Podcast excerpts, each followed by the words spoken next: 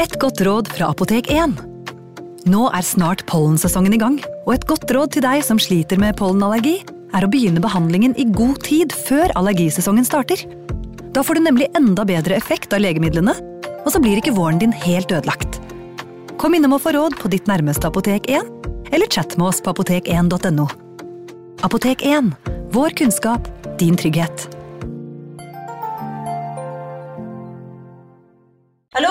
Jeg kommer fra Oslo politikammer. Ine Jansen er purk. Er du purk? The motherfucking bitch. Alt jeg vil, er å finne ut hva som skjedde med mannen min. Jon Carew. Er jeg sikta for noe? Iben Akeli. Det er du. Ole So, Lars Berrum og Big Daddy Karsten. Hvem sin side er du på, egentlig? Anette Hoff, Tone Danielsen, Kommer du fra Afrika? Jørnis Josef, Nesten kløfta. Trond Espen Seim, Det er synd å si det, men det var feil mann som døde. Purk. Premiere tirsdag på TV2 Play. Hei! Takk for at du lytter til True Crime Podden dokumentar. Skulle du ønske at du kunne høre en ny episode av denne podkasten hver eneste uke? Vel, da er det bare å laste ned podkastappen Untold med en gang. I tillegg til ukentlige episoder av podkaster som Skrekkpodden, Synderne og True Crime Podden, får du masse annet reklamefritt og eksklusivt innhold. Last ned Untold i AppStore eller Google Play, og start din 30 dagers prøveperiode i dag. you.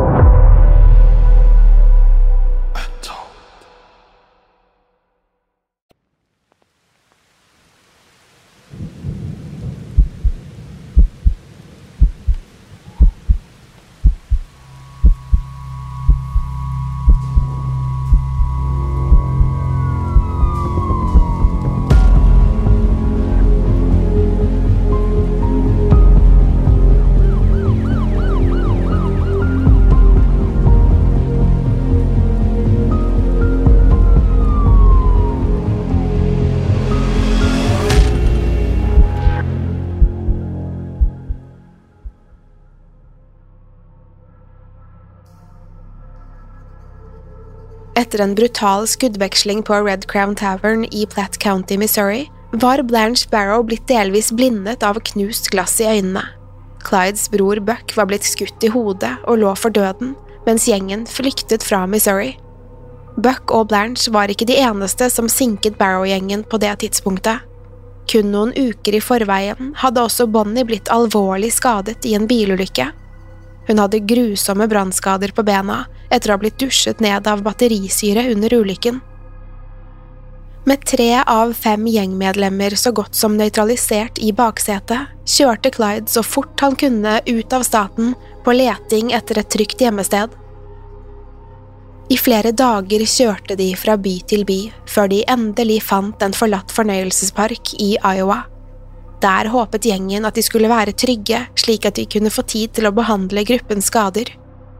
Det var her de skulle begå en fatal feil som ville redusere antallet medlemmer fra fem til tre. De blodige bandasjene etter Bucks grufulle hodeskade lå som et spor av brødsmuler og ledet politiet rett til fornøyelsesparken. Clyde, Bonnie og unge William Daniel Jones skulle unnslippe den påfølgende skuddvekslingen til fots, men ekteparet Buck og Blanche var ikke like heldige. Blanche, som nesten ikke kunne se, løp rett i armene på politiet og ble arrestert. Buck var i altfor dårlig form til å gjøre noe som helst, og ble skutt i ryggen da han forsøkte å rømme. Han skulle dø av skadene på sykehuset kun noen dager senere. Clyde var knust etter brorens død, og for første gang kunne det virke som alt var håpløst. Politiet var alltid et skritt foran dem. Gjengen levde med mindre komfort enn de hadde gjort før de vendte seg til kriminalitet, og ingen steder var trygge. Over de neste ukene kjørte de land og strand rundt og begikk mindre ran her og der. Det var både for å bygge opp arsenalet sitt på nytt, og for å skaffe nok penger til å overleve. Det var tøffe tider for den stadig reduserte Barrow-gjengen, og det var bare et tidsspørsmål før skjebnen ville innhente dem alle. I september 1933, mens gjengen innså at hver dag kunne bli deres siste, bestemte de seg for å reise hjem til Dallas en siste gang. De visste at de snart ville være døde, så nå ville de treffe familiene sine før de forsvant igjen. I Dallas tok Bonnie og Clyde farvel med Jones, som skulle videre til sin mor i Houston, før de reiste til sine respektive familier. Nok en gang skulle Bonnies mor, Emma, forsøke å overtale datteren til å skille lag med Clyde. Helt siden starten hadde Emma vært skeptisk til Bonnies kjæreste, og nå brukte hun hele datterens besøk på å trygle henne om å bli. Emma hadde aldri gitt opp håpet om at Bonnie fremdeles kunne komme seg fra dette i live, men Bonnie var bastant. Hun nektet å gå fra Clyde, uansett hva moren sa. Hennes skjebne var for alltid knyttet til Clydes, hvor enn han dro, ville hun følge med. Kun en måned etter at de var kommet til Dallas, kom beskjeden om at Jones var blitt arrestert i Houston. Han var blitt gjenkjent fra fotografiene i avisen, og nå var han blitt sendt til Dallas County Jail. Jones og Clyde hadde allerede blitt enige om hva Jones skulle si om han ble hektet. Han var fremdeles bare en ungdom, og derfor skulle han legge all skyld over på Bonnie og Clyde. De var allerede blant Amerikas mest ettersøkte kriminelle og hadde ingenting å tape. I avhør påsto Jones at han var blitt bortført og tvunget til å begå ran og innbrudd med Barrow-gjengen. Han fortalte at han stadig var blitt truet på livet om han ikke gjorde som de sa, og at han ble bundet fast om natten så han ikke skulle rømme. Politiet i Dallas slukte Jones' historie hel, men skulle likevel sikte ham for medvirkning til drap. I tillegg skulle Jones' innrømmelser utløse en rekke siktelser mot Bonnie og Clyde, deriblant drap, væpnet ran, biltyveri og bortføringer. Nå var det kun Bonnie og Clyde igjen, og de var i tillegg stemplet som noen av landets farligste kriminelle. De kunne ikke reise noe sted uten å risikere å bli tatt. Ansiktene deres prydet avisforsider over hele landet, og hvem som helst ville kjenne dem igjen. Alt så ut til å gå i oppløsning for øynene på det unge paret. Likevel var det kun én tanke som sto i Clydes hode. Helt siden han var blitt løslatt fra Eastern Prison Farm i 1932, hadde Clyde vært besatt av én tanke. Han ville ha hevn. Clyde var blitt behandlet ekstremt dårlig i fengselet, og siden den gangen hadde han villet ta igjen for alt det han hadde gjennomgått. Allerede i mars 1932 hadde han begynt å planlegge et angrep mot Eastham, men det var alltid noe som hadde kommet i veien. I begynnelsen hadde han ikke hatt nok penger til å gjennomføre aksjonen, men nå følte han seg klar. Nå som han så døden luske rundt hver sving, innså Clyde at han hadde dårlig tid. Om han skulle få sin hevn på fengselssystemet, så måtte det skje nå. Sent om kvelden den 13. januar 1934 sto Bonnie og Clyde ved siden av bilen sin og kikket inn gjennom gjerdene på Eastham Prison Farm. Mørket hadde lagt seg over området, og det var ikke mulig å se noe som helst av det marerittet som hadde vært Clydes hjem i nærmere to år. Plutselig hadde to skikkelser dukket opp fra mørket. De to var Floyd Hamilton, broren til Clydes gamle venn Raymond, og Jimmy Mullins. De klatret grasiøst over gjerdet og hoppet ned ved siden av Clyde og Bonnie. Så ga de Clyde et lite nikk for å signalisere at alt hadde gått etter planen. De to pistolene de hadde gjemt inne på fengselsområdet, burde være lette å finne for Clydes tidligere cellekamerat Aubrey Scally.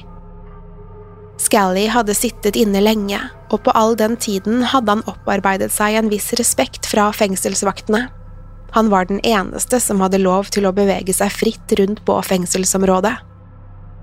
Så snart pistolene var i hans besittelse, kunne aksjonen starte. Planen var å bryte ut fire menn den påfølgende tirsdagen. De var Raymond Hamilton, Henry Methvin, Joe Palmer og Hilton Bigby. Alle var gamle kjenninger av Clyde, både fra fengselet og utenfor. Nå som pistolene var på plass, var det bare for Bonnie og Clyde å vente. Den 16. januar var Clyde tilbake utenfor fengselsgjerdene. Han sto lent inntil bilen med en sigar i munnviken og sin trofaste Browning Automatic Rifle i hendene. Tiden var endelig kommet. Nå skulle aksjonen gjennomføres. Han kikket fra den stappfulle luftegården på innsiden av gjerdet til lommeuret sitt i hånden. Så snudde han seg til Bonnie som satt klar i bilen, blunket kjekt til henne og kastet sigaren i bakken. Clyde grep riflen sin med begge hender og snek seg bort til gjerdet. Så gikk han ned på huk og ventet på at noe skulle skje. Som på kommando kunne han høre skudd bli avfyrt fra luftegården. Det var signalet han hadde ventet på. Clyde løftet riflen sin og fyrte av salve på salve over hodene på innsatte og vakter i luftegården. Som forventet kastet samtlige seg ned på bakken for å unngå skuddene, mens de fire mennene som var med på planen, satte fart mot gjerdet. Dette var det mest kritiske øyeblikket. Clyde fortsatte å fyre av skudd over hodene på vaktene, mens Hamilton, Methvin, Palmer og Bigby spurtet mot gjerdet. Nå gjaldt det å holde vaktene på avstand til mennene hadde flyktet. De fire klatret så fort de kunne over de høye gjerdene, før de kastet seg inn i den ventende bilen med Bonnie. Så snart alle var i sikkerhet, hoppet Clyde inn i førersetet før de spant nedover veien og forsvant i en sky av støv. Det hele hadde vært over i løpet av noen få minutter. Likevel hadde Clyde endelig fått gjennomført planen sin. Han hadde drømt om dette øyeblikket i flere år, og nå var det gjort. Selv om det hadde gått fort, var ingen i tvil om hvem som hadde stått bak aksjonen. Det hele hadde vært ydmykende for myndighetene. De hadde nok en gang blitt lurt av Bonnie og Clyde, og nå var de rasende. Hevnaksjonen mot Eastham skulle derfor bli et vendepunkt i jakten på det kriminelle kjendisparet. Nå var myndighetene mer besatt av å sette en stopper for Bonnie og Clyde enn noen gang tidligere. Det var på tide å sette inn støtet for å få en slutt på det hele, og det fantes kun én mann som var skikket for jobben. Tidligere politibetjent og Texas Ranger Frank Hamer var kjent som en nådeløs og dedikert etterforsker. I løpet av sin tid i politiet hadde han tatt hånd om mang en dødelig kriminell. Nå var han pensjonert, men sa seg villig til å lede jakten på Bonnie og Clyde. Hamer hadde én enkelt oppgave – å finne og sette en stopper for Barrow-gjengen for godt. Ifølge myndighetene i Texas var ikke dette lenger en etterforskning.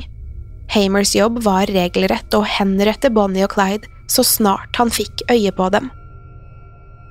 Denne fremgangsmåten skremte mange andre kandidater fra å bli med på jakten. De fleste var skeptiske til å måtte skyte en kvinne, uansett hvor delaktig hun var i de kriminelle handlingene. Dette plaget slett ikke Hamer. I hans øyne var ikke Bonnie noe annerledes fra andre kriminelle. Om han fikk muligheten, ville han ikke nøle med å plassere en kule midt mellom øynene hennes. Fra og med februar 1934 skulle Hamer ta over jakten på den beryktede Barrow-gjengen. Han var metodisk i sin etterforskning, og snart ble han en skygge som fulgte paret hvor enn de reiste. Det tok ikke lang tid før han innså at Bonnie og Clyde kjørte i et fast mønster gjennom Midtvesten. Han analyserte hvor det var blitt begått innbrudd, ran og drap på politibetjenter, og kom frem til parets rute. Ifølge Hamer holdt Bonnie og Clyde seg til landeveiene i utkanten av statsgrensene. Dette var en kjent taktikk blant kriminelle. Loven forhindret politiet i et distrikt fra å forfølge rømlinger over i et annet. På den måten kunne Bonnie og Clyde smette over i en ny stat og således være beskyttet fra politiet i en annen. Da Hamer forsto hva slags mønster paret fulgte, tok det ikke lang tid før han lå like i hælene på dem hvor enn de reiste. Han var aldri lenger enn én eller to landsbyer unna. Hamer pustet Bonnie og Clyde i nakken, og han kom stadig nærmere. For hver dag som gikk, ble Barrow-gjengens territorier snevret inn, og snart var det ingen steder å flykte. Hvor enn Hamer dro, kom han over etterdønningene av Bonnie og Clydes herjing. De etterlot seg et blodig spor av døde politibetjenter og endevendte forretninger. Det var ingen tvil om at han hadde med kaldblodige og skyteglade kriminelle å gjøre. Likevel kunne han se hvordan befolkningen fremdeles hyllet Bonnie og Clyde og behandlet dem som filmstjerner. Hamer var nødt til å snu folks oppfatning av situasjonen, og han visste nøyaktig hvordan han skulle gjøre det. Hamer sørget for at avisene skrev om hvert eneste ett av Bonnie og Clydes drap i detalj. Det ble skrevet om ofrenes familier og hva de etterlot seg, og plutselig var det som alle begynte å vende seg mot Barrow-gjengen. De var ikke lenger helter i depresjonstiden. Nå var de stemplet som kaldblodige mordere som utgjorde en fare for hele samfunnet. Med folks oppfatning drastisk endret, var alle på utkikk etter det kriminelle superparet, og flere var mer enn villige til å informere politiet om alt de så. Det førte til at Hamer fikk nyss om at det ikke lenger kun var Bonnie og Clyde som var med på alle aksjonene. Ifølge vitner var det en tredje person involvert. Avisene omtalte den mystiske tredjeparten som John Doe, et vanlig navn i amerikansk krimhistorie for ukjente personer. Likevel skulle det ikke ta lang tid før Hamer innså hvem det kunne være. Da Hamer analyserte Barrow-gjengens rute igjen, oppdaget han en rekke ran og innbrudd i Louisiana, i nærheten av landsbyen hvor Henry Methvin var fra. Hamer visste at Methvin var blant fangene som var blitt brutt ut av Eastham, så det var ikke utenkelig at han var den mystiske medsammensvorne. Dette var det store gjennombruddet Hamer hadde ventet på. Om han kunne få tak i Methvin, ville han muligens ha fri bane til Bonnie og Clyde. Hamer reiste straks til Louisiana og kontaktet den lokale sheriffen som igjen klarte å sette ham i kontakt med Methvins familie. Gjennom dem fikk han tak i Henry Methvin selv. Hamer tilbyr Methvin en utvei. Om han kunne gi dem Bonnie og Clyde, ville Hamer sørge for at Methvin ble benådet på alle punkter. Dette var et tilbud han på ingen måte kunne si nei til. Det ville bety at han ikke lenger trengte å leve i frykt for politiet, og han kunne starte på nytt. Dermed godtok Methvin byttehandelen akkurat slik Hamer hadde forventet. Methvin kunne fortelle at Bonnie og Clyde hadde planer om å møte han og familien hans i Louisiana den 23. mai 1934. Han sa også at de kom til å reise langs Highway 154, sannsynligvis i en stjålet Ford V8. Om Hamer ville omringe dem uten at det var fare for sivile liv, var det tidspunktet å slå til på. Dette var øyeblikket Hamer hadde ventet på. Om han slo til langs landeveien, kunne han få en slutt på Bonnie og Clydes terrorvelde en gang for alle. Han samlet en gruppe av sine mest trofaste menn som skulle få navnet The Gibbsland Posse. Den besto av politi fra både Texas og Louisiana og hadde kun ett formål – å ta livet av Bonnie Parker og Clyde Barrow. Hamer allierte seg også med Methvins far Ivy, som både Bonnie og Clyde kjente godt. Ivy ble med ut til den støvete landeveien den 23. mai, hvor han plasserte pickupen sin i veikanten. Hamer hjalp ham med å løsne på et av dekkene, som de deretter la ved siden av bilen. I og med at Bonnie og Clyde kjente Ivy, var Hamer sikker på at de ville stanse om de så at han hadde havarert med bilen sin. Alt var på plass, så nå var det bare å vente på at Clydes Ford V8 skulle komme. Hamer og de andre betjentene la seg i skjul i det høye krattet ved siden av veien mens de ventet på at noe skulle skje. Klokken var bare seks om morgenen, men Hamer ville ikke ta noen sjanser på at paret kjørte forbi uten at de hadde kommet frem. Uansett hvor lenge de måtte vente, skulle de bli på sin post til det hele var over. Timene gikk, og det var ikke tegn til Bonnie og Clyde noe sted. Ivy satt på det avskrudde dekket og nippet til en lommelerke, mens Hamer og betjentene speidet nedover landeveien. Ingen sa et ord idet solen steg opp over åskammen og badet landeveien i et oransje lys. Da klokken nærmet seg ni, hadde flere av betjentene satt seg med ryggen mot trestammene mens de hvisket lavt til hverandre. Den eneste som fremdeles var årvåken, var Hamer selv. Han stirret intenst i den retningen han visste at Bonnie og Clyde ville komme fra, uten å le på en muskel. Så, plutselig, dukket det opp en liten støvsky i det fjerne. De kunne høre den før de så den, lyden av en Ford V8 i høy fart ljomet over den åpne landeveien. Den typen råkjøring kunne bare bety én ting Clyde Barrow satt bak rattet på den bilen. Ingen andre ville drive motoren så hardt på en så ujevn landevei. Hamer vinket på mennene sine, og alle spratt opp med riflene sine, klare for skudd. Mens Forden dukket opp over åskammen, ga Hamer tegn til at alle skulle dukke ned bak rattet og vente på hans signal. Hamer strammet grepet om sin egen rifle og merket hvordan pulsen steg. Dette var øyeblikket han hadde ventet på, hans kanskje eneste sjanse til å sette en stopper for Bonnie og Clyde var kommet, og han kunne ikke sløse den bort. Ute på veien reiste Ivy seg forsiktig og stirret fra Forden til krattet, tydelig nervøs for det som ville komme. Den gamle mannen rettet seg opp og prøvde så godt han kunne å spille fortvilet over at dekket på pickupen hans hadde falt av. Imens nærmet Forden seg i høy fart. Nå var det bare et spørsmål om Clyde kom til å stoppe for Ivy eller ikke.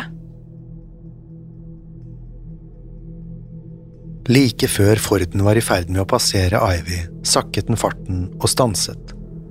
Som forventet hadde Clyde stoppet bilen like ved der Hamer og resten av betjentene lå i skjul. Hamer kunne høre at Clyde hilste på Ivy og spurte hva som var i veien med bilen, og det var da han ga signalet til betjentene sine. Hamer sløste ikke et eneste sekund. Han reiste seg fra krattet med riflen hevet for skudd og tråkket bestemt ut i veibanen. Så snart Ivy så dette, satte han på sprang bort fra Forden og kastet seg bak sin egen bil. Gjennom frontruten kunne Hamer se det intense blå blikket til Bonnie idet hun skrekkslagen dultet borti Clyde. I det som føltes som flere minutter, stirret Hamer og Clyde på hverandre, uten å fortrekke en mine. Med høy og tydelig røst beordret Hamer at Bonnie og Clyde stakk hendene i været, men de leet ikke en muskel. Plutselig bevegde Clyde seg kun en millimeter i setet, og da åpnet Hamer ild.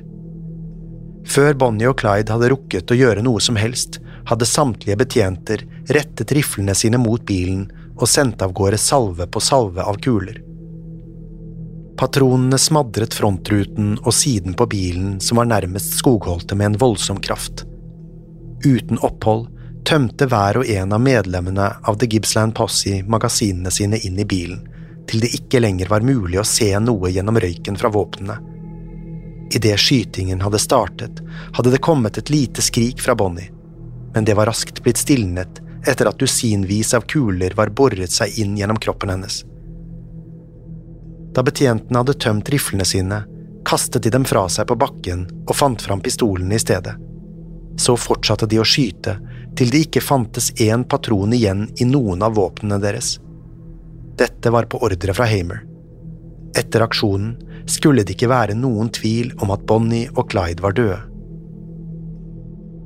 Da alt var blitt stille, gikk Hamer forsiktig bort til Forden og tittet inn. Der lå restene av det som en gang hadde vært det kriminelle kjendisparet. Bonnie og Clyde. De var blitt truffet utallige ganger hver, både i ansiktet og overkroppen. Bonnie og Clyde var døde, og jakten på dem var endelig over. Deres død ble nøyaktig så blodig og brutal som de hadde sett for seg, og de var sammen til siste slutt, akkurat som de hadde lovet hverandre.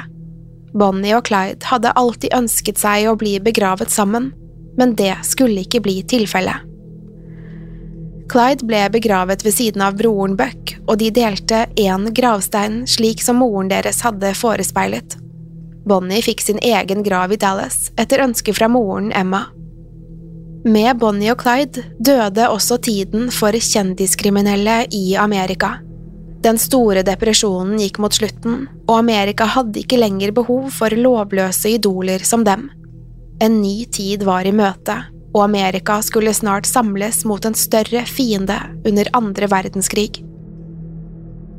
Likevel er det ingen tvil om at historien om Bonnie og Clyde har levd videre, selv over 90 år etter deres død. Den skiller seg ut fra andre historier fra depresjonstiden fordi den ikke bare handler om hardbarkede kriminelle med en sans for det dramatiske. Den handler også om to unge, livlige mennesker som ønsket seg mer enn den knusende fattigdommen. De fant hverandre i ulykken og forelsket seg. Til tross for det skulle kjærligheten deres være en av de giftigste i verdenshistorien. Bonnie og Clydes liv har alltid hatt en tendens til å bli glorifisert. Sannheten er likevel at Barrow-gjengen sto ansvarlig for minst tolv drap i løpet av to år. De reiste over hele Midtvesten og spredte kaos og død hvor enn de dukket opp. Hele livet hadde de ønsket seg berømmelse og rikdom, og berømmelsen skulle komme i form av utallige avisoppslag og senere filmer og TV-serier. Likevel døde de like fattige som de alltid hadde vært, i hverandres armer og med dusinvis av kulehull gjennomboret i de unge kroppene deres.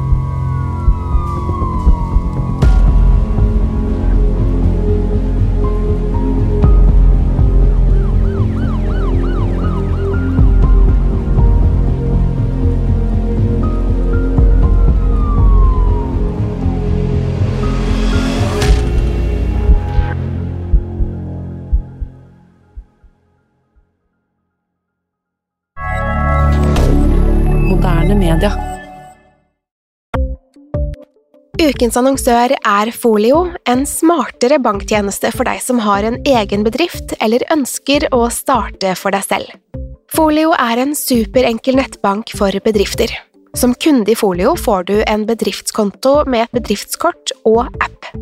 I denne appen er det smarte løsninger som forenkler regnskapet ditt, uansett om du har en liten bedrift eller et enkeltpersonsforetak. Folio er både intuitivt og brukervennlig, og er laget med et enkelt språk. I tillegg tilbyr de forutsigbare priser og ingen skjulte gebyrer. Skulle du likevel trenge det, så kan du snakke med deres raske og hyggelige kundeservice, og der får du prate med en faktisk person og ikke en chatbot. Folio er med andre ord både enklere og koseligere enn banken. Over 10 000 bedrifter har allerede valgt Folio som sin banktjeneste, så besøk folio.no og se hvordan Folio kan forenkle din hverdag også. Har du et enkeltpersonforetak eller en liten bedrift? Da er du sikkert lei av å høre meg snakke om hvor enkelt det er med kvitteringer og bilag i fiken, så vi eh, gir oss her, vi. Fordi vi liker enkelt. Fiken superenkelt regnskap. Kiwi er billigst i VGs matbørs og har vært billigst i fire av de fem siste VGs matbørser. Og nå presser vi prisene på frukt og grønnsaker. På 200 gram broccolini setter vi prisen til 24,90. På 400 gram Cevita blåbær setter vi prisen til 49,90.